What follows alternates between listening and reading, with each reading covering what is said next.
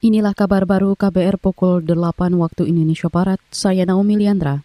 Presiden Joko Widodo rencananya besok akan mengumumkan mekanisme penguat atau booster vaksin COVID-19.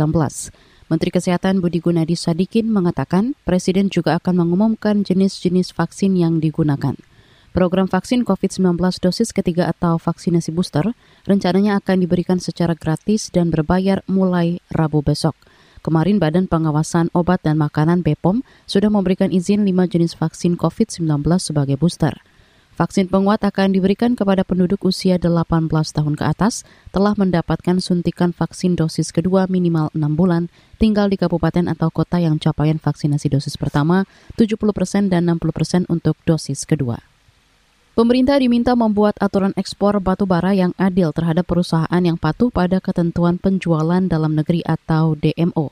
Pengamat energi dari Universitas Gajah Mada UGM Yogyakarta, Fahmi Radi mengatakan, pemerintah tidak perlu melarang ekspor bagi seluruh perusahaan batubara. Bagi yang tidak memenuhi ketentuan DMO, memasok 25 persen dari total produksinya, maka dilarang ekspor. Tapi bagi pengusaha yang patuh memenuhi kewajiban DMO, maka dia harus tetap diperbolehkan untuk ekspor. Kalau perlu dikasih reward, misalnya pengolahan pajak misalnya.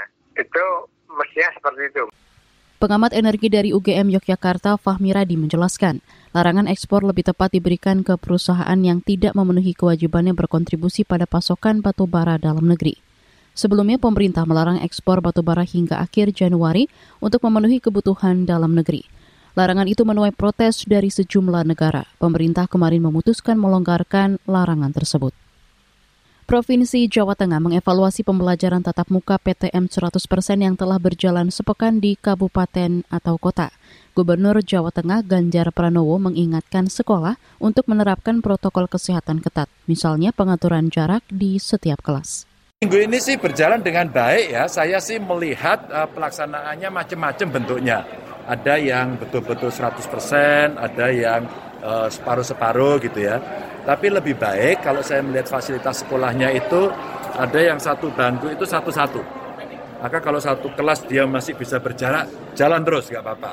Tapi kalau kemudian kemarin saya lihat bangkunya itu pendek dan dipakai untuk dua orang.